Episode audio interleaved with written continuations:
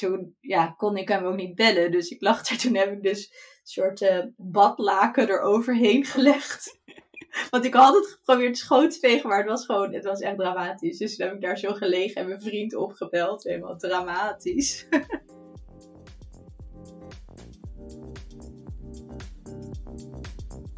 Welkom bij Plannen Simpel de podcast. Ik ben Renske en deze podcast gaat over productiviteit, gewoontes en alles wat daarbij komt kijken.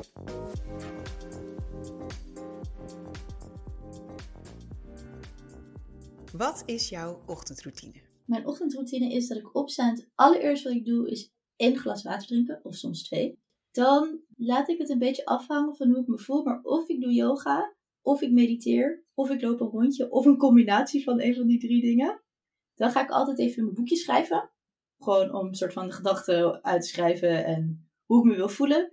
En dan ga ik douchen of soms kruip ik ook al net zo in pyjama achter de laptop. En dan aan het werk? Ja. Hoe ben je ooit begonnen met dat in een boekje schrijven? Waar komt het vandaan? Goede vraag. Ik weet niet, ik doe dat sinds ik voor mezelf werk. En ik weet eigenlijk niet meer precies wanneer dat is begonnen. Ik denk dat ik een keer of een training heb gedaan of anderen erover hoorden en dat toen ook ben gaan uitproberen. Ik ben het ook wel steeds dan een beetje aan het aanpassen. Ik, weet, ik denk dat het trouwens vandaan komt van dat ik ging beginnen met dingen van dankbaarheid opschrijven. En dat ik toen steeds wat dingetjes erbij heb toegevoegd. Maar als je het dus nu doet, dan is het niet dat je de dankbaarheidsdingetjes gaat opschrijven, maar gewoon kijkt wat er in je hoofd gebeurt. Eerst schrijf ik eigenlijk op van hoe ik me voel. Dus soms word ik zo je kent toch wel dat je als wakker wordt en een soort van opgejaagd gevoel hebt van, oh mijn god, alles gaat te langzaam. Ik moet sneller groeien. Uh, weet je, dat rondom je business. Herken ik totaal niet. Oké, even chill. Dus dan ga ik opschrijven hoe ik me voel, nu voel en hoe ik me wil voelen. Dus dan denk ik gewoon een soort van allemaal gedachten aan het opschrijven. Dan schrijf ik vaak vijf dingen op waar ik dankbaar voor ben. Dan schrijf ik nog een paar affirmaties op en een intentie van de dag. Dat is hoe die er nu uitziet. Maar soms, het wisselt ook nog wel eens. Wauw. Ik kan me wel voorstellen dat het rondje wandelen het wel wint, uh, nu je bent waar je bent. Ja, zeker omdat ik nu vijf minuten van het strand woon. Maar ik moet zeggen dat het, ik zit hier nu een week, dat het pas twee keer in de ochtend is gebeurd. Mediteren wel meer, maar de yoga nog helemaal niet. Terwijl ik ook periodes heb gehad, dat ik heb zeven maanden in Portugal gewoond. Toen had ik een hele grote woonkamer, dus daar had ik ook een goed plek voor mijn yogamat ging ik elke ochtend 20 minuten yoga doen. Wow. Dat is nu helemaal eruit. Maar je hebt wel je yogamat bij je? Zeker, hij staat hier naast mij, is nog niet gebruikt. doe je het met een video of doe je zelf een yoga routine? Meestal met Yoga with Adrian, ken je? Op YouTube. Ja, ja. Of soms zelf. Ik vind het meteen een heel inspirerende ochtendroutine. nou. Ja, het is een beetje, ik probeer het ook wel een beetje met de soort van de flow te doen. Van dat ik me ook niet forceer van ik moet nu yoga doen en ik moet mediteren en ik moet een rondje lopen, maar meer van oké, ik word wakker. Een van die dingen wil ik wel sowieso doen en dan kijk ik even uh, hoe de pet staat, zeg maar. Ja, en je hebt waarschijnlijk ook gemerkt dat het je echt iets oplevert, anders zou je het ook niet blijven doen. Ja, vooral uh, dat even zo rustig, soort van even met jezelf gaan zitten en niet gelijk al vanuit die mindset de dag ingaan. Dus stel je hebt even zo'n negatieve vibe gewoon dat alles te langzaam gaat of dat je aan jezelf twijfelt. En ik sta er niet bij stil, dan kan ik daar al in blijven hangen de rest van de dag, weet je. En dan ga je ook een soort van, ja, onbewust een soort van bevestiging zoeken. Dan zie je op Instagram, dan zie je, oh je zie je wel, ik ga te langzaam, want zij gaat veel sneller. Of andere dingen, dan, dan zit je heel erg in die, ja, met die blik op naar dingen te kijken. En als ik dan wel nu dingen opschrijf, dan merk ik wel van, oké, even bij mezelf. Weet je, hoe wil ik me voelen? En dan gaat de dag uh, chiller. Ja, wil je ook een van je affirmaties met ons delen? Zeg je, hé, hey, hier houdt het op. nee, tuurlijk. Oh, nee, ik ben open boek. Uh, even denken. Uh, een van mijn affirmaties is, ik bereik wat ik wil bereiken. Mooi, ja. ja. Die schrijf ik echt denk ik al nu twee jaar op. En het is natuurlijk ook, dan krijg je meer dat van enjoy the journey, not only the goal. Ja. Dat idee. Nou, volgens mij is dit al een hele goede ochtendroutine om je productiviteit te versterken. Maar zijn er nog meer dingen die je doet om je productiviteit op te krikken? Nou, wat, wat ik zou moeten doen, maar wat nog niet elke dag lukt, is ik wil heel graag eigenlijk voor 11 uur niet op mijn telefoon zitten. Mhm. Soms lukt dat. Ik heb een periode gehad dat dat echt super goed lukte en nu even wat minder. Omdat ik dan anders ga ik gelijk mijn mail kijken, gelijk op Instagram. En dit probeer ik dus niet te doen. En uh, probeer hem dan ook in een la te leggen soms. Geef ik hem aan mijn vriend, zo van hou dit bij je. ik mag hier niet op. Dat klinkt super dramatisch. Maar gewoon als je hem niet ziet, dan scheelt dat natuurlijk al heel erg. Ja. En wat ik doe, ja, is een beetje dubbel eigenlijk. Maar ik heb een online agenda. Gewoon Apple agenda waar eigenlijk al mijn taken in staan. Voor de week maak ik altijd een weekplanning. Maar wat ik ook doe, is dat ik een papieren planner heb. En dan, daar begin ik eigenlijk. Dus daar schrijf ik alle to-do's op van de week. Eh, en dan schrijf ik ze ook op per dag. En dat is eigenlijk vet dubbel, maar voor mij werkt dat dus omdat als ik het in een online agenda heb, dan versleep ik heel makkelijk dingen. En als ik het ook in een papieren agenda opschrijf, dan versleep ik het niet, of dan stel ik het niet zo snel uit, omdat ik het heb opgeschreven. En dat vind ik dan irritant als ik dat moet doorkrassen. Plus, daar kan ik een vinkje zetten. En dat voelt natuurlijk ook altijd heel erg goed. Kijk wat nog meer. Ja, ik heb ook twee momenten eigenlijk op de dag. Eh, een half uurtje dat soort van, oké, nu wil ik mijn mail kijken. Gebeurt natuurlijk ook wel eens tussendoor, maar geen notificaties en dan een vast moment om mijn mail te kijken. Ja. Dus dat is ook nog een dingetje. En als je dan je taak opschrijft, schrijf je dan iets voor de club doen of echt wel veel specifieker dan dat? Nee, wel echt heel specifiek. Ik heb bijvoorbeeld wel in de online agenda altijd op donderdag staan uh, de club development. Dus dan gaat het meer om het technische en het uitdenken. En het, op vrijdag de club content. Dus dan gaat het meer om het schrijven van content. Maar als ik het dus in die planner schrijf, dan gaat het wel echt specifieker van oké, automatische facturatie. Uh, teksten schrijven voor facturen Moneybird. Of weet je wel, dan ga ik het wel heel specifiek doen. Want ik ben wel heel, heel concreet in die taken inderdaad. Ja. Anders wordt het te vrij en... Um, maar je hebt het niet van uur tot uur helemaal uitgedacht, de dag. Nou, eigenlijk in die online agenda wel, maar daar gaat het nog wel eens mis. Dus dan zeg ik daar anderhalf uur voor deze taken en dan ben ik er drie uur mee bezig. Vooral nu rondom de club, want dat zijn allemaal heel veel nieuwe dingen. Dan denk ik dat ik dat kan inschatten qua tijd en dat gaat elke keer wel een beetje mis. Maar ik probeer er wel een inschatting van te maken. Dus dat is een soort van die combinatie van die online en offline agenda. En die online agenda staat dan wel ongeveer de tijd die een taak zou kunnen duren. Ja. ja, want ben je dan ook jezelf een beetje aan het timen nu? Zo van, oké, dan weet ik hoe lang ik er ongeveer mee bezig ben geweest. Ja, ik pas dat dus dan ook elke keer weer. Ik weet niet of dit voor mensen echt super dubbel en dom klinkt. Maar dan pas ik in die online agenda weer wel aan hoeveel ik er daadwerkelijk mee bezig ben geweest. Hmm. Oh ja. En dan kun je natuurlijk even weer terugkijken. Ja. Ja, goeie toch? Maar dat komt denk ik ook wel voor, vanuit mijn baan in loondienst. Waar ik echt uren werkte bij een marketingbureau waar we echt alle uren heel, heel goed bij moesten houden. Dus dan deed ik dat ook altijd, want we hadden niet echt een heel chill urensysteem. Dat deed ik ook altijd in mijn agenda bijhouden van oké, ik heb nu uh, voor deze klant van dan tot dan gewerkt. Dus dat zit een beetje, zo, zo ben ik opgevoed bij wijze van, van oké, die uren ja, in je agenda opnemen. Maar kijk je dan ook wel eens terug om even weer te zien van, oh ja, dat duurde zo lang, dus dan zal het nu ook ongeveer zo lang duren? Ja, ik kijk niet zo heel vaak terug, omdat ik dat dan wel een soort van in mijn hoofd nog heb. Maar het zou wel kunnen, inderdaad. Ja. Wauw, mooi. Leuk. Welke gewoonte heb je waarvan je denkt dat anderen die niet zo snel hebben? Ik heb er twee. Dat mag. Um, eentje is... En mensen gaan nu echt denken dat ik uh, smetvrees heb. Maar wat, ik, wat een beetje een weirde gewoonte is, is dat als ik op een nieuwe plek ben, ook in een hotel of whatever, dan ga ik dus altijd het bed inspecteren om, en schoonvegen, omdat ik echt een soort fobie voor haren heb. En eigenlijk zou je dan denken, ja, kan je beter niet doen, want je komt het bijna altijd tegen. Maar daar kan ik best een beetje panisch in zijn. En ik heb ook echt al meerdere keren gehad dat dan echt een bed heel veel haren lagen. Nou, dat, dat vind ik echt verschrikkelijk. Maar dan vraag je niet om een andere kamer. Nou, ik heb dat dus een keer gehad als ik met vriendinnen zes, met zessen in Frankrijk in zo'n soort oud, oude boerderij. En er waren allemaal kamers. Nou, ik had er één gekozen en ik had dus echt een bed waar gewoon een hele behaarde man in had gelegen. Met allemaal van die krulhaartjes, weet je wel. En maar echt het hele bed lag onder. En ja, het was, was s'avonds laat, want eerder waren we niet naar bed gegaan. En toen ja, kon ik hem ook niet bellen. Dus ik lag daar. Toen heb ik dus een soort uh, badlaken eroverheen gelegd. Want ik had het geprobeerd schoon te vegen, maar het was gewoon, het was echt dramatisch. Dus toen heb ik daar zo gelegen en mijn vriend opgebeld. Helemaal dramatisch. maar ja, dat is wel een, een, een, rare gewoonte, misschien. Maar heb je dat dan thuis ook met het doucheputje of valt dat dan weer mee? Het doucheputje, dat, ja, die maakt dan wel gewoon schoon. En daar zit dat minder of zo, want dan kan je het, kan het gewoon pakken zit het bij elkaar, dan kan je het zo pakken. Maar als in een bed, zo het hele bed vol haren, oh mijn god, ik griezel daar echt van. Ja, ik, ik snap het wel. Ik heb het zelf niet zo, maar ik snap het wel heel goed. Nee, ik hoop niet dat ik mensen nu een gewoonte aanpraat. Dat ze nu ook voortaan hun bed gaan schoonvegen.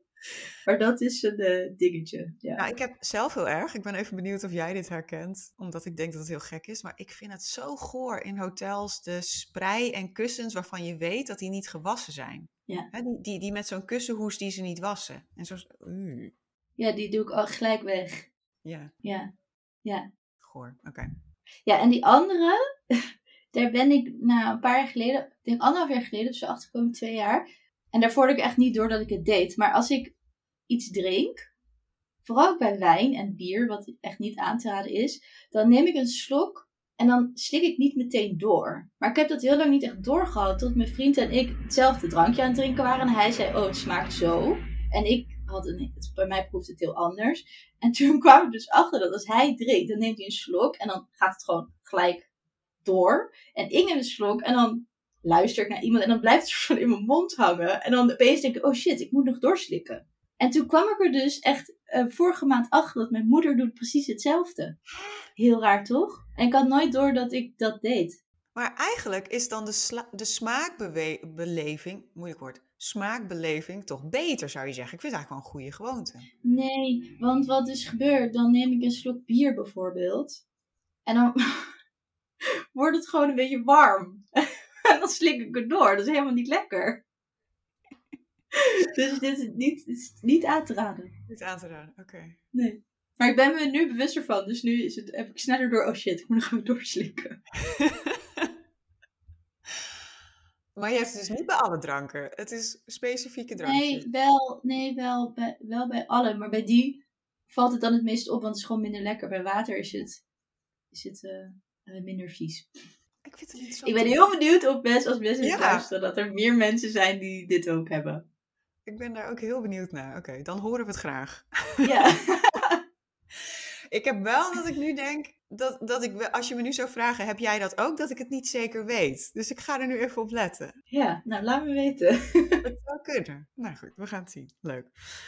Um, dan zou je kunnen zeggen, heb je nog meer gekke gewoontes? Maar goed, ik vond die van net niet heel gek. Welke gekke gewoontes heb je? Ja, ik heb wel echt een hele rare gewoonte. Is dat ik echt aan alles ruik automatisch. Zeg maar, ik heb dat niet door. Maar dus ook in de situatie dat, ja, als ik hier aan terug denk ik echt zo dom. Maar toen we nog in Amsterdam, mijn vriend en ik nog in Amsterdam wonen, hadden we een dode muis. Je weet waar het heen gaat. Die lag achter de koelkast. En toen, nou, ik kon dat echt niet aanraken. Hij moest dat doen. Dus in die, hij had hem opgezogen of zo. Ja, had hem opgezogen met de stofzuiger. En toen ging ik die zak in de vuilniszak doen, zoiets. En toen ging ik aan die zak ruiken waar een dode muis in zat. Wat echt fucking goor is. Ik ging echt bijna over mijn nek. Maar gewoon een soort van automatisch aan alles ruiken. Ik weet niet, maar dat doe ik dus. Echt aan alles. Dus als het lekker of als het vies ruikt. Maar dan, dan eet je heel langzaam, want dan moet je alles ruiken. Ja, nou, het gaat ook wel snel of zo, maar ik weet niet. Gewoon even, even, even aan iets ruiken, ja. Welke gewoonte ben je ooit met goede moed aan begonnen, maar doe je nu helemaal niks meer mee? Nou, eerst was ik uh, heel erg van, je moet altijd goed ontbijten. En dan probeerde ik dat echt ochtends, weet je dan werkte ik nog in loondienst en dan ging ik ochtends havermout maken en echt even een goed ontbijtje. Wat dan altijd wel mega gehaast was, maar dan deed ik het wel. Uh, alleen inmiddels ontbijt ik eigenlijk niet meer, want mijn vriend en ik doen een intermittent fasting. Dus dan eten we pas rond één of twee uur. Dus dat hele ontbijtstuk was ooit een soort van in mijn hoofd een goede gewoonte, maar dat is nu geen gewoonte meer. Waarom ben je begonnen met intermittent fasting? Eigenlijk vooral omdat mijn vriend mee kwam. en hij dat toen ging uitleggen wat er allemaal achter zit. En toen dacht ik, oh, ik doe wel mee. En nu is het eigenlijk dus een gewoonte geworden. En ben ik ook, zeg maar, waar ik eerder dan echt zo rond de tien of half elf of zo echt mijn maag echt ging knorren, zeg maar dat heb ik eigenlijk bijna nooit meer. Ook niet, ja, misschien echt als ik zeg maar drie uur nog niet gegeten zou hebben. Uh, maar nu ben ik daar gewoon helemaal aan gewend. En uh, eten we dus pas meestal rond één uur. En ik voel me er ook gewoon goed bij. Dus uh, heb ik gewoon zo aangehouden. Ja. Het schijnt ook een beetje een fabel te zijn, hè? Van dat, dat natuurlijk altijd wordt gezegd, oh, je moet wel goed ontbijten, want anders dan gaat het niet gedurende de dag. Ja, het is eigenlijk maar gewoon gewenning. Ja, precies. En dus, ja, ik kan het niet uh, allemaal precies reproduceren, maar gewoon bepaalde processen in je lichaam die worden geactiveerd als je dus langere periodes niet eet. En bij intermittent fasting is het tussen de 12 en 16 uur, als ik het geloof ik goed zeg. Hmm. Kun je beter aan mijn vriend vragen. Maar, um, dus die periode eten we dan gewoon niet. En gebeurt er allemaal, gebeuren er allemaal dingen in mijn lichaam. En uh, ja, voor mij werkt het goed. Dus uh, dat doen wij nu. Ja, mooi. Heeft hij ook werk wat hiermee te maken heeft? Nee. Het is gewoon zijn persoonlijke passie. Nou, nee, ja, uh, mijn vriend uh, die houdt gewoon heel erg van nieuwe dingen leren. En zich in nieuwe dingen storten. Dus dan heeft hij zich een periode weer ingestort. Wat hij ook doet, is dan soms één keer in de zoveel maanden echt uh, eh, 48 uur niet eten. Want als je dan zo lang vast, dan is het echt ja, iets met dat je nieuwe cellen gaat. Een soort reset van je cellen, zeg maar. Dus dat, dat doet hij wel eens. Maar dat, ja, ik hou echt heel erg van eten en ik vind dat gewoon te moeilijk. Ja. Dus dat doet hij alleen. dan doe ik niet mee. Maar in ieder geval, hij verdiept zich daar dan helemaal in en dan hoor ik erover. En dan als ik het interessant vind, dan doe ik mee. Maar was hij dan niet heel zagrijnig, 48 uur lang? Nee, hij wordt niet zo snel zagrijnig. Op het laatst is hij dan wel gewoon wat, wat stiller. soort van aan het, het, aan het doorstaan, zeg maar. maar niet per se heel zagrijnig. Ik denk dat ik dat wel zou hebben. Vrij snel. Ja, ik denk dat ik Expeditie Robinson als eerste eruit wordt gestemd eigenlijk. Van dat zagrijnige persoon willen we niet meer. Ja, ja. ja, precies. Maar dat. Ehm, welke gewoonte kost je heel veel moeite, maar levert je ook veel op? Ja, vooral de telefoon, zeg maar, weghouden. Vooral s ochtends. Ja, maar moet gewoon niet in mijn buurt liggen, want dan ga ik toch alvast even mail kijken. Toch alvast in de club kijken. Toch alvast Instagram kijken. Dus het kost me heel veel moeite om hem dan weg te laten of in een andere kamer te leggen en daar ook niet aan te komen. Maar ik weet dat als ik het doe, dat ik de rest van de dag minder vaak op mijn telefoon ga. Maar als ik begin met die dag van oké, even checken, even checken, dan blijf ik heel de dag in die flow van oh, even Instagram oh, even mijn mail kijken. Dus dit kost me super veel moeite, maar als ik, het, als ik de dag goed begin, dus zonder telefoon, dan trek ik dat ook de dag door, zeg maar. Maar je geeft hem dus niet elke dag aan je vriend. Je legt hem soms ook gewoon op een bepaalde plek neer van hier. Uit het zicht. Ja. Ja, een laadje of zo. Ik snap het heel goed. Het is gewoon als je hem ziet liggen. Ook als ik gewoon, weet je, dan ben ik s'avonds zo'n boek aan het lezen en dan ligt hij naast me. En dan moet ik hem echt even onder een kussen leggen of zo. Want anders dan is het heel de tijd zo, zit het me zo aan te kijken. En dan word je toch sneller afgeleid. Dus hij moet gewoon uit het zicht. Ja, oké. Ehm, dit vind ik altijd een leuke. Welke gewoonte zou je willen hebben, maar ga je waarschijnlijk nooit doen? Inbox Zero. Oh ja. Ik denk dat dat me echt nooit in mijn leven... Ik heb, het is me één keer gelukt. Dat was toen ik ging stoppen bij mijn loondienstbaan en alle mails soort van weggewerkt wilde hebben. Mhm. Maar ik weet het niet. Kijk, wat ik dus doe, en ik weet dat hier slimmere processen voor zijn, die ik ook wel eens heb geprobeerd, maar ik krijg een mail, die lees ik door. Dan denk ik altijd, ik ga hier nu nog niet op reageren. En dan zet ik me op ongelezen. Dus mijn, ik heb denk 300 ongelezen e-mails in mijn inbox. En ik heb het wel eens anders gedaan met dan zo'n beetje structuur van oké, moet ik nu iets mee, komende week, of weet je wel, dat je het zo opdeelt. Mhm. Maar ik weet dan was ik meer bezig met dat naar die mapjes verslepen, dan dat het, nou, het werkte gewoon niet voor mij. En ik heb gewoon een beetje uit principe zo'n iets van, ik wil niet altijd overal direct op reageren, want dan wordt dat een soort van de nieuwe normaal. Dus ook met appjes reageer ik soms echt dagen later. Met mails naar klanten en zo reageer ik natuurlijk wel gewoon op tijd. Eh, maar ik vind het gewoon irritant dat dat verwacht wordt. Dus ik zet dan ook heel veel mails op ongelezen. En ja, ook het idee dat ik dat dan nu zou moeten opruimen en dan zou proberen. En dan denk ik dat het echt binnen twee weken alweer een puinhoop is. Dus dat is echt iets van, het lijkt me leuk, maar ik weet, ik denk gewoon niet dat het nooit gaat lukken. Volgens mij is Inbox Zero vooral bedoeld dat je op gezette tijden beslissingen neemt over je e-mails. Ja, precies.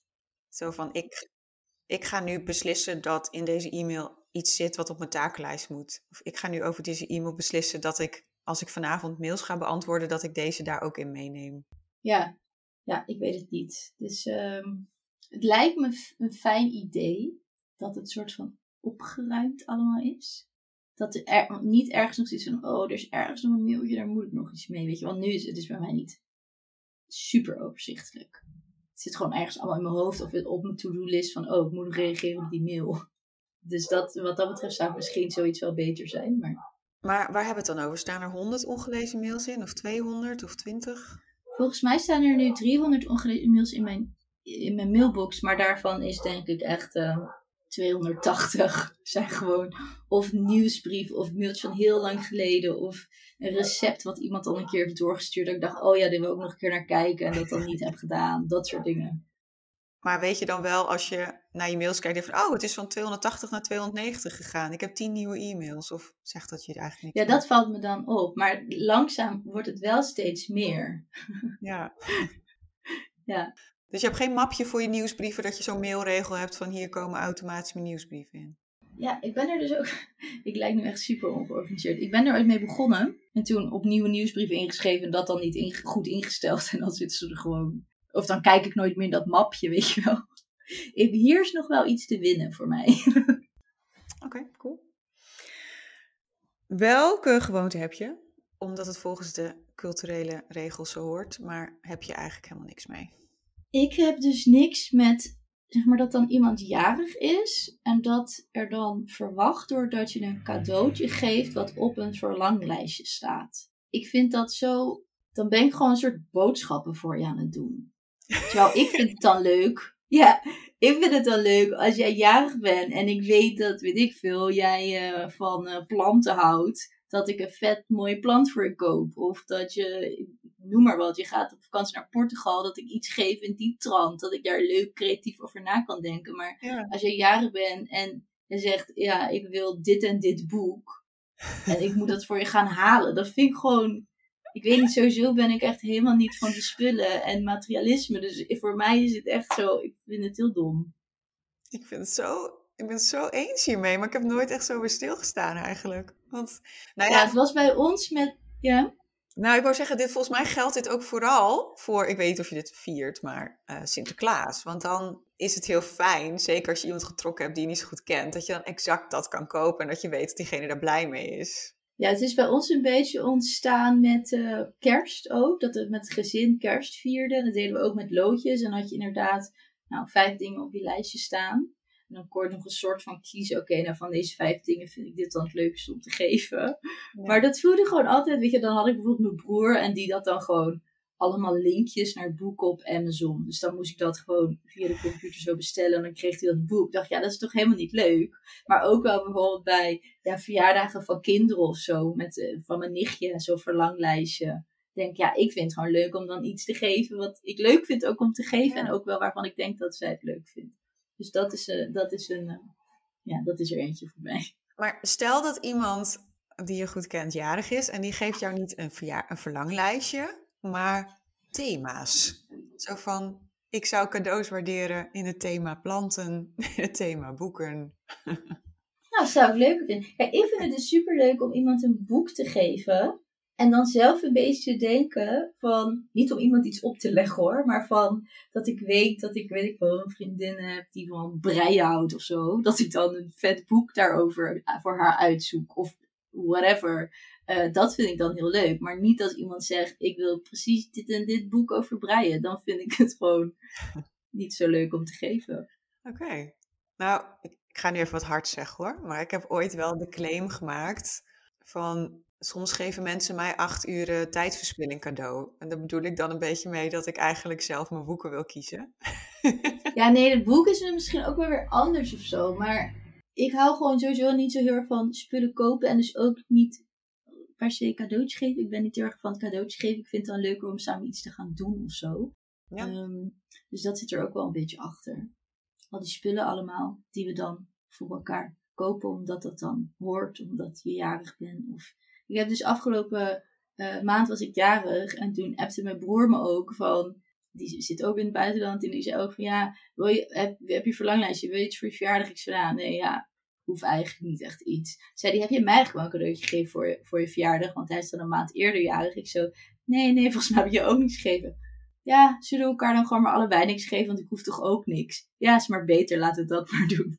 Dus nu geven we elkaar gewoon geen cadeaus meer. Ik vind het een goed plan.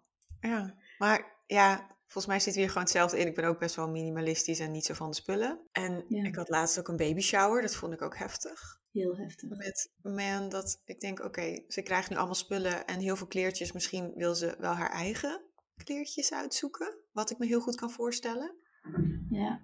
Maar goed. En inderdaad, wat ik ook heel leuk vind, is ook met een vriendin bijvoorbeeld zeggen: zullen we elkaar geen cadeau geven, maar gewoon lekker samen uit eten gaan? Zoiets. Precies. Ja, dat vind ik het leukst. Ja. Daarom. Hm, Mooi. Maar als iemand jarig is, de drie zoenen, hoe sta je daarin? Ja, ik doe dat niet eigenlijk. Ik geef eigenlijk altijd een soort van zo'n knuffel en dan één zoen. En het grappige is, dat deed ik dus, zeg maar, in mijn familie dan, weet je wel, met tantes. En dan was wel eigenlijk altijd die drie zoenen, zeg maar, als je kijkt vijf jaar terug of zo, tien jaar terug, was dat wel een soort van de norm. Maar nu is dat eigenlijk niet meer. Nu geven eigenlijk altijd gewoon zo'n knuffel en een zoen. Dus misschien Ja. verandert dit ook wel. Ja, ik ben voor. Ja, toch? Ja. ja, dat doen de Amerikanen dan ook, hè? Van de mensen van wie ze heel erg houden, die krijgen hele stevige knuffel. En de oppervlakkige kennis, die krijgen een beetje zo'n luchtknuffel Oh, situatie. dan weet je wel meteen waar je staat. Ja, ja, nou ja, dat. Voor welke gewoonte heb je een Ulysses-contract nodig met jezelf? Ja, dat is echt zielig. Maar dat is sowieso een beetje met die telefoon dus. Maar wat ik toen ik het aan voorbereiden was, had opgeschreven. Maar niet dat ik een van de alcoholist ben. Maar wij hebben gewoon eigenlijk nooit bier of wijn in huis. Behalve als we bewust in het weekend denken. Oké, nu gaan we even lekker koken en een wijntje. Maar anders dan gaat dat wel sneller open. En mijn vriend is zo iemand, zeg maar. Als we een zak chips kopen, dan kan ik gewoon wat chips eten. Maar bij hem moet het altijd leeg. En dan eet hij dat ook gewoon een soort van mindless op. In Nederland met drop is dat heel erg. Dus dat is bij ons ook, dat kopen we niet, want dan gaat dat echt heel snel doorheen. Mm, ja, Dus met alcohol en met snoep, snacks, dingen. Ehm, ik had iemand die zeg maar een beetje de lifestyle heeft zoals jij. Volgens mij waren ze dan aan het wonen in een camper, dus echt jarenlang. En toen zeiden ze eigenlijk wat het lastig maakt, is dat je altijd een beetje in een vakantievibe zit. Dus dan ga je een beetje sneller denken van, oh, we doen even een biertje erbij. Hè, even chips erbij. Herken je dat ook van jouw lifestyle, dat dat ook sneller gaat? Niet zozeer dus met de boodschappen, maar wel dus nu, maar vooral, we zijn nu net in Valencia, dus dan wil je ook alles ontdekken. Maar dat ik dan na werk denk, oeh, ze hebben het terras op. Of ergens koffietje drinken of ergens wat eten, omdat je ook alle plekjes wilt ontdekken, zeg maar. En omdat het dus nog heel erg lekker weer is en je veel meer buiten leeft. Ja. Dus op dat vlak wel. Maar met, met boodschappen niet per se, omdat ik dus, ja, we doen het nu ook al langer en we weten het wel. Ja, dat als we dat wel kopen, dan gaat het gewoon op. Hm. Misschien is dit ook ehm, wat je al een beetje hebt genoemd met je telefoon, maar welke gewoonte wil je eigenlijk doorbreken? Ja, dat is dus wel echt die. Dus s ochtends meteen mijn telefoon pakken en meteen mijn mail en mijn Insta checken. Ja. Dat is echt de, de winnaar wat betreft deze vraag. Heb jij een wekker op je telefoon? Zeg maar, heb je hem nodig op je nachtkastje? Nou, wat ik dus doe nu, is dat, maar dat werkt ook niet helemaal top. Maar ik le- lees nu echt een boekboek, wat dus heel fijn is. Vind ik fijner dan op een iPad. Maar wat ik anders doe, is mijn iPad, waar ik dus mijn boeken op heb, e-books op heb. En dan zet ik daar de wekker op. En dan mijn telefoon is ergens anders. Maar op die iPad staat ook gewoon Instagram en mijn mail. Dus. Maar toch is het bij, me, bij mijn telefoon gaat dat sneller of zo dan bij die iPad. Bij die iPad heb ik dan nog wel een soort van bewust moment. Oké, ga ik nu op de app van Instagram klikken. Terwijl bij mijn telefoon is gewoon automatisch zonder nadenken. Dus dat werkt nog wel een klein beetje. Maar ik zou dus eigenlijk ook best wel graag zo'n Kindle of zo willen hebben. Dat je echt alleen maar aan het lezen bent Ja. op je schermpje. En niet Ja. andere apps hebt. Ja, ik heb een Kobo, is echt super fijn. Ja, precies. En eh, volgens mij was het Tim Ferriss, die had altijd een keukenwekker bij zich als wekker. In de zin van, Ja. dan, dan wilde hij dus acht uur slapen, dus dan zet hij gewoon het ding op acht uur. Dus dan heb je niet je telefoon nodig. Maar goed, het is nog wel rigoureus misschien. Ja, het zou best wel goed kunnen werken Zou voor kunnen. Ja, en klein in je koffer. Dus Ja. ook weer lekker licht. Wanneer had je een overnight succes? Ja, we hadden het hier natuurlijk al even over. Dat ik dacht, ja, overnight succes. Eh, het voelt allemaal helemaal niet als een overnight succes. Maar eh, een voorbeeld daarvan is wel dat ik een, een, eh, nou, een nieuwe één op één klant had. Die voor mij echt totaal uit het niets kwam. Uh, dus dat voelde als een soort van overnight succes. Maar toen ik het achteraf dan ging analyseren, was ze wel al tien maanden las ze mijn nieuwsbrieven en volgde ze me op Instagram. Maar ik had nog nooit iets van haar gehoord. Dus um, het leek een soort van overnight succes. Ja, een stille fan. maar daar ging je eigenlijk heel veel aan vooraf. Ja, precies. Ja.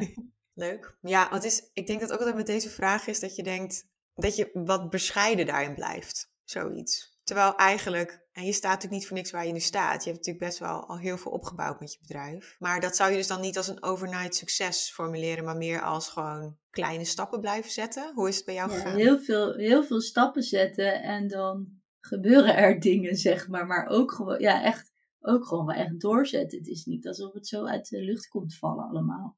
Wat dus bij die klant misschien even zo leek. Uh, maar als je het dan dus terug gaat analyseren, dan zie je, oh, zij heeft gewoon tien maanden lang.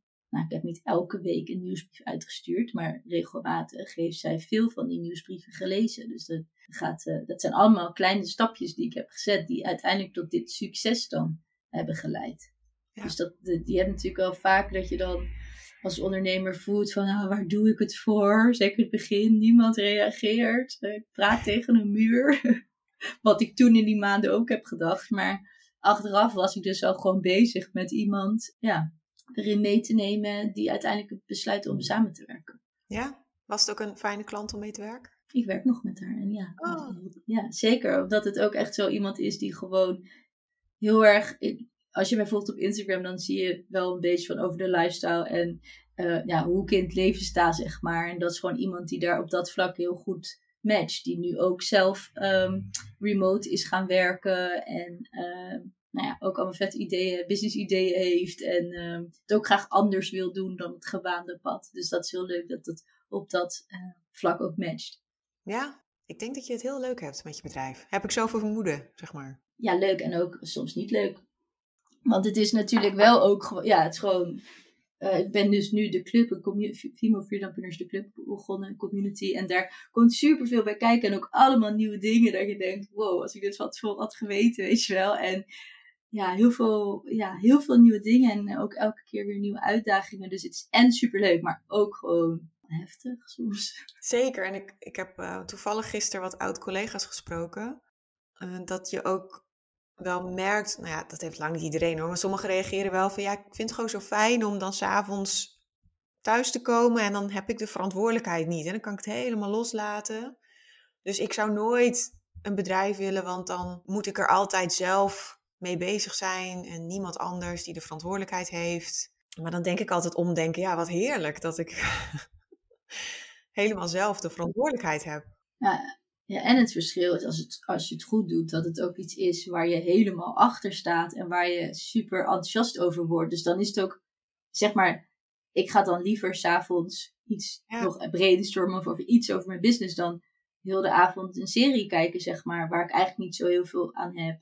Plus, toen ik in Lonisch werkte, ik had best wel een drukke baan. Dan kwam ik thuis en dan was dat nog steeds allemaal gaande in mijn hoofd. En dan werd ik ook gewoon om zes uur soort van wakker shit wat moet ik ook weer allemaal doen vandaag en wat moet ik niet vergeten. Dus het, voor mij was het niet alsof ik dan echt naast me neer kon leggen. En nu is de tijd, buiten werktijd, ben ik heel veel met mijn bedrijf bezig, maar ook gewoon omdat het leuk is. Ja, ja dat heb ik ook het regelmatig dat ik dan zeg van, wat heb je zondag gedaan? Van, nou, ik heb lekker iets voor mijn bedrijf ontwikkeld. Oh, heb je op zondag gewerkt? Wat verschrikkelijk dat dat moet. Ik denk, ja, het was superleuk.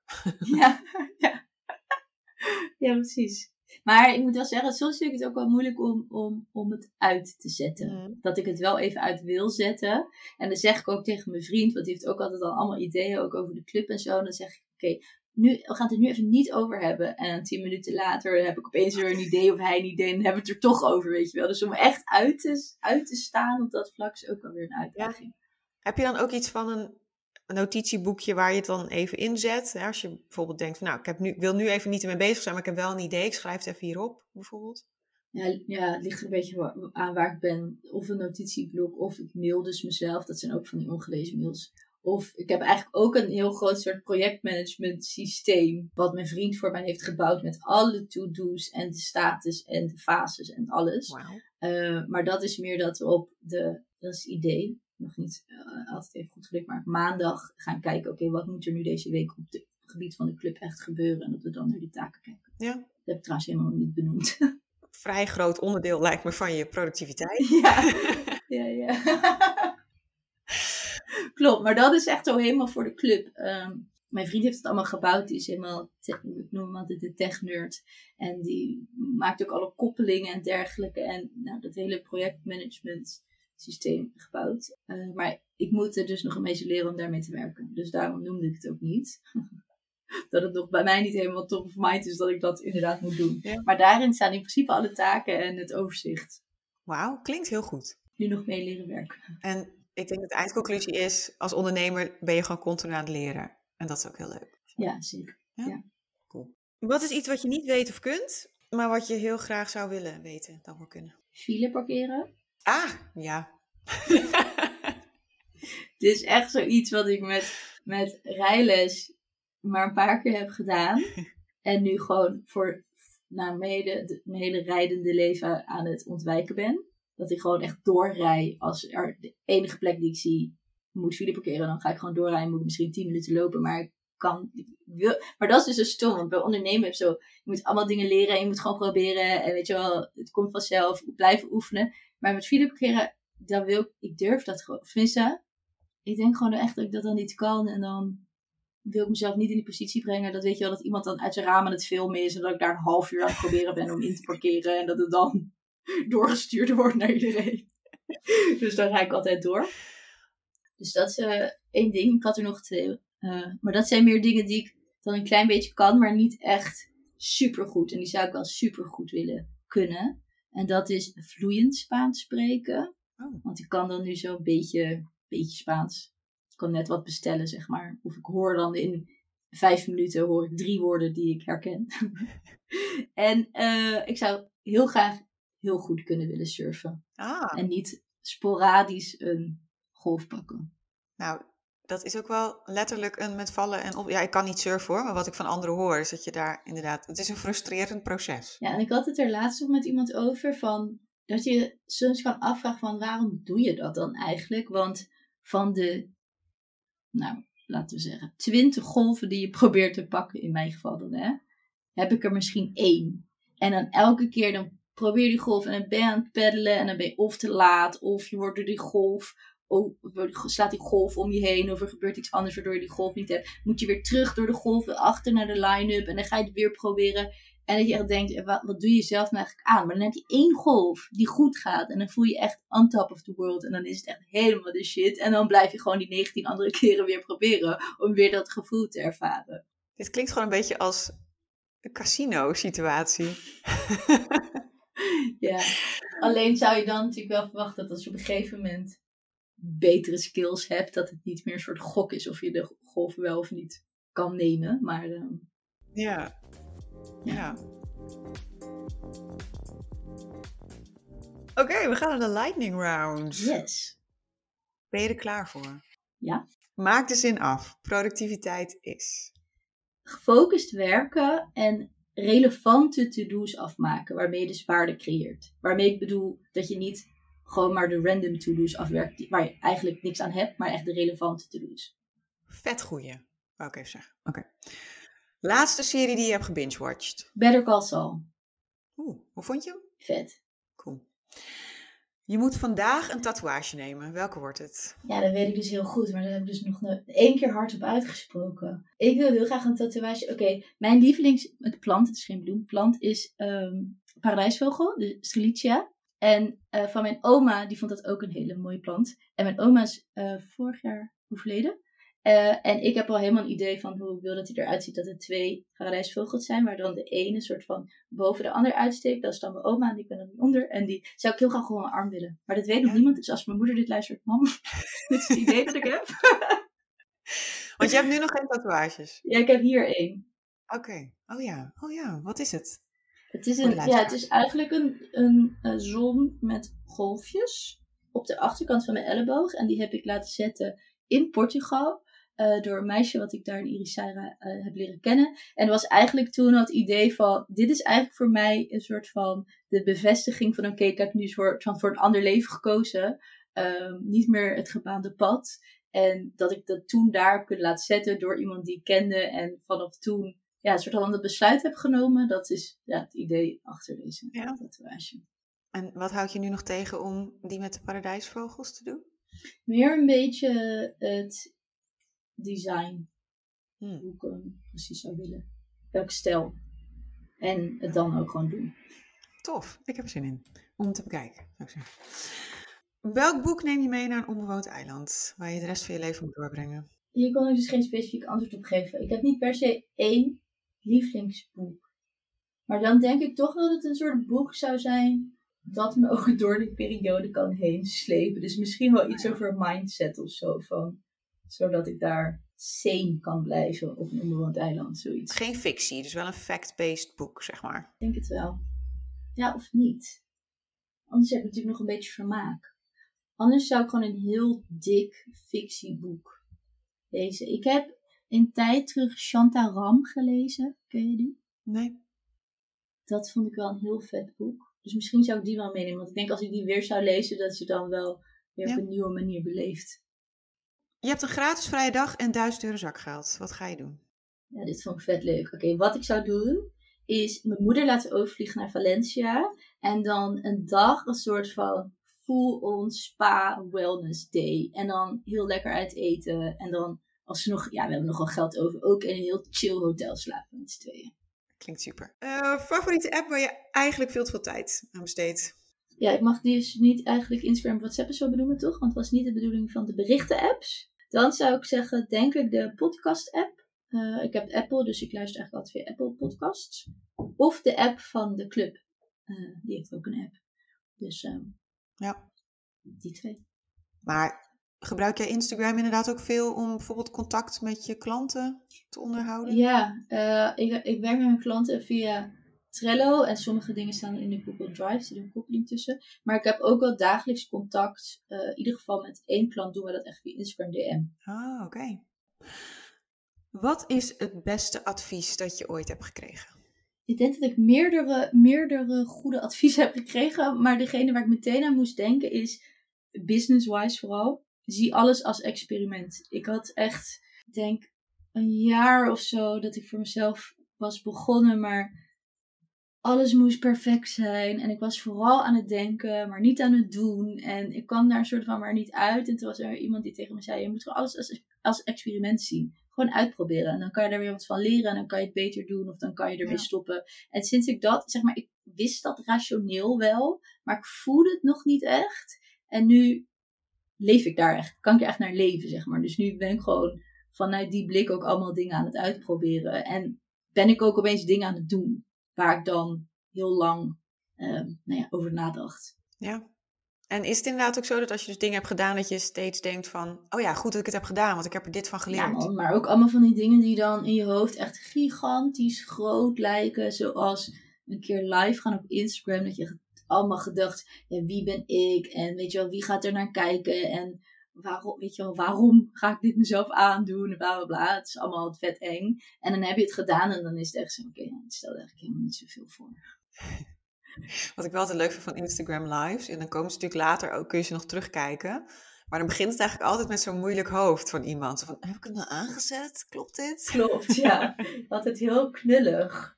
En ook, had ik dat ook gehad, dan ging mensen uitnodigen om erbij te komen. En dan dacht ik, oh shit, het is eigenlijk de eerste keer dat ik dat doe. Hoe doe je dat eigenlijk? En dan zat je ook zo te kijken van, Ja. zit je er nou bij? Hallo? Ja, dat is altijd leuk met het beginnetje. Dus ja, is een mooie. Ehm, wat is een boek uit jouw Midnight Library? Wat was dat ook weer? Ken je het boek Midnight Library? Nee. Het gaat erover dat de hoofdpersoon die komt in een soort fictionele wereld terecht, uiteraard. En dat is een bibliotheek vol met boeken van alle levens die ze had kunnen leiden. Dus als ze net had gekozen om het niet uit te maken met haar vriend bijvoorbeeld. Of om toch die ene baan te nemen. Of... Dus het gaat eigenlijk om van wat is misschien wel een beetje dus wat je zegt van nou ooit heb ik natuurlijk gekozen om mijn levensstijl om te gooien. Wat als je toch je baan had gehouden, zoiets. Ja, nou, in dat geval, als ik dus niet met mijn vriend had besloten om op wereldreis te gaan, dan waren we denk ik nu gewoon in het huisje, boompje, beestje pad beland. Dan waren we nu, ik, ik denk dat we dan nu misschien nog in Amsterdam wonen, dat we nu misschien nog huurden of als het was gelukt een koophuis hadden in Amsterdam. Maar dat we dan wel binnen een paar jaar Amsterdam uit waren gegaan, omdat het gewoon te duur was en omdat je dan kinderen zou hebben of willen en het allemaal niet meer zou passen. En dan denk ik dat we terug zouden zijn gegaan richting Delft of in Delft, want daar komen we allebei vandaan. En dan wel gewoon in loondienst. En dan ben ik ook benieuwd, omdat toen ik in loondienst werkte, dat is dus nu minstens van 2,5 jaar geleden, was ik echt super zoekende en twijfelde ik heel erg over waar ik nou goed in was. En dacht ik eigenlijk altijd van, is dit het nou? Weet je wel, is het dan de bedoeling van mijn leven dat ik hier op kantoor zit? Dan denk ik dat ik daar nog best wel in was. Dat ik daar nog wel heel erg in die gedachten zou zitten. Omdat de afgelopen 2,5 jaar heb ik echt zoveel over mezelf geleerd. En is veel duidelijker waar ik goed in ben en wat ik leuk vind en wat ik wil met mijn leven. Dus dat is een beetje, ja, ik ben wel blij dat ik de andere kant op ben gegaan. Ja, want je hebt het mij al verteld, maar voor de mensen thuis, je hebt dus een wereldreis gedaan van een week. Ja. Waarom was dat? Ja, vond ik niet leuk. Nee, grapje. Ehm, we gingen 11 maart 2020 gingen we op wereldreis. En ik zeg altijd, dat is de, de dag nadat Rutte had gezegd dat we geen handen meer mochten schudden. En dat vonden we hilarisch, want we vonden ja, allemaal onzin natuurlijk. En, uh, maar er was geen onzin achteraf. Toen zijn we naar Nepal gevlogen en daar zijn we drie dagen geweest. En toen gingen daar de grenzen dicht. En toen dachten wij nog, oh yes, wij zijn binnen. Maar um, daarna was het wel zo'n, oh, er komt misschien een lockdown. Oh, dan willen we echt niet in Nepal zitten met de medische zorg en dat soort dingen. Dus zijn we nog even naar Thailand gevlogen, want daar was toen nog niks aan de hand, dachten we. En toen kreeg ik ook een appje van een vriendin, die zat in uh, Ecuador, geloof ik. En die zei, ja, joh, als je naar huis kan, dan moet je nu naar huis, want het is echt een kwestie van tijd. Maar toen waren we dus een week weg, of nog minder dan een week. Dus ik dacht, ja, ik ga echt niet naar huis. Ik heb hier twee jaar voor gespaard, mijn baan opgezegd, uh, huis ondervuurd. Ik ga niet naar huis. En toen dezelfde ochtend dat ik dat zei, in die middag hebben we besloten om twee dagen later wel naar huis te vliegen. Omdat het gewoon, um, ja, het was gewoon te onduidelijk. We wisten niet wat zou gebeuren. Ja. Dan zouden we misschien maanden vastzitten ergens. En ja, toch ook ons spaargeld dan daaraan uitgeven, wat we gewoon niet wilden. Dus toen um, waren we binnen een week weer terug. Ja, en toen was je op een gegeven moment je huis kwijt. Dus ja, toen, uh, maar dit... Uh... Toen was eigenlijk sowieso al bepaald, dit zou je leven worden. Ja, het, ja, maar ik zeg ook altijd, achteraf ben ik eigenlijk heel blij dat het zo is gelopen. Want we hadden toen bedacht ja. dat we een jaar op wereldreis zouden gaan. En dan hadden we wel zoiets van, oké, okay, we gaan, zouden dan een maand door Nepal gaan reizen. En dan wilden we een maand op één plek in Thailand. Dat we niet de hele tijd aan het reizen waren. En dan weer een maand ergens reizen en dan weer een maand ergens op één plek. Maar ik denk nog steeds, als ik, als ik dan daar terugdenk, was, dat dat het plan was, denk ik oh my god, hoe had ik dat volgehouden, zeg maar. Elke keer verplaatsen in nieuwe plekken, omdat ik nu echt heel fijn vind om juist langer, een paar maanden op één plek te zitten. Ja. Um, en gewoon alles wat het nog meer heeft gebracht, ben ik achteraf blij dat dit zo is gegaan. Nou, ik geloof ook wel echt, correct me if I'm wrong, maar dat een plek dan ook echt als een thuis gaat voelen. Doordat je de langere tijd bent. Zeker. Kun je er ook altijd weer naar terugkeren in je leven, want het voelt als thuis. Ja, zeker. Mooi. Wat is voor jou een belangrijke lifehack? Ja, om dan toch een beetje in die lifestyle van mij te blijven, is voor mij inpakken met packing cubes. Dus van die ja, zakjes met ritsen waar je je spullen in kunt. Ik rol dan altijd mijn kleren op. En dan doe ik ze in de packing cubes. Doe ik eentje voor ondergoed, en eentje voor shirtjes en eentje voor broeken. En dat vind ik super chill. Dat ik dan overzicht hou in, uh, met inpakken en spullen. En op een, een of andere manier heb ik wel het gevoel dat er ook meer in mijn tas kan als ik dat doe. Ja, ja. Oh, dan zijn we bij de laatste vraag. What are you most excited about in your life right now? Nou, dat heb je misschien al gehoord, want ik heb het al een paar keer laten vallen. Maar ik heb dus, ben dus een community gestart voor vrouwelijke online ondernemers die graag locatie onafhankelijk werken of willen werken. Uh, en dat is Female Freedompreneurs, de club. En die heb ik in um, half juli gelanceerd. En we zijn op dit moment met ongeveer 40 members. En dat is echt nou, echt fantastisch. Ik vind het zo leuk om te doen, om mensen daar samen te brengen. Je ziet allemaal connecties ontstaan en mensen die elkaar tips geven, nieuwe inzichten. Er worden masterclasses gegeven. Uh, we hebben elke maand een monthly circle, wat ik zelf heel vet vind. Dan zijn we met z'n tienen en dan hebben we het gewoon over een bepaald onderwerp waar we in ons leven allemaal tegenaan lopen. Omdat we natuurlijk, het ding is dat je vaak als je dit leven leidt, ben je in je directe omgeving vaak een beetje de outsider, want jij doet het anders dan de rest. En hier zijn we eigenlijk allemaal die outsiders en kunnen we elkaar dus heel erg vinden en dingen met elkaar delen die je niet zo goed met vrienden bijvoorbeeld kan delen. Dus ja, hier ben ik echt super excited over. Ik, ik hoor het enigszins aan je stem, ja. ja. Wat tof. Want ik wist ook niet dat jullie met 40 zijn. Wat een mooi aantal, joh. Al. Heel cool. Super, super tof. En misschien als slot, slotvraag, waar kunnen mensen je vinden? Uh, op Instagram uh, onder mijn naam, Joelle van Reden. Dat is met R-H-E-D-E-N. Maar waarschijnlijk zet je dat ook wel in de show notes. Ik zet ook in de ja. show notes, ja. Uh, of via mijn website, dat is joellevr.com. Of ik heb ook een Instagram-account voor de club. Of in ieder geval voor Female Freedompreneurs. Want ik heb ook een eigen podcast waarin ik dus de Female Freedompreneurs interview. Dus dat kan je ook op Instagram vinden of op uh. Top. Ik denk dat dit wel goed gaat komen. Heel nice. erg bedankt. Nou, jij bedankt voor de uitnodiging. Ik vond het superleuk. Ja, nou, jij bent inderdaad zo enthousiast. En ik volg je natuurlijk op Instagram over wat je doet. Ik dacht, hier zitten sowieso leuke gewoontes in waar mensen over moeten weten. En dat blijkt ook wel.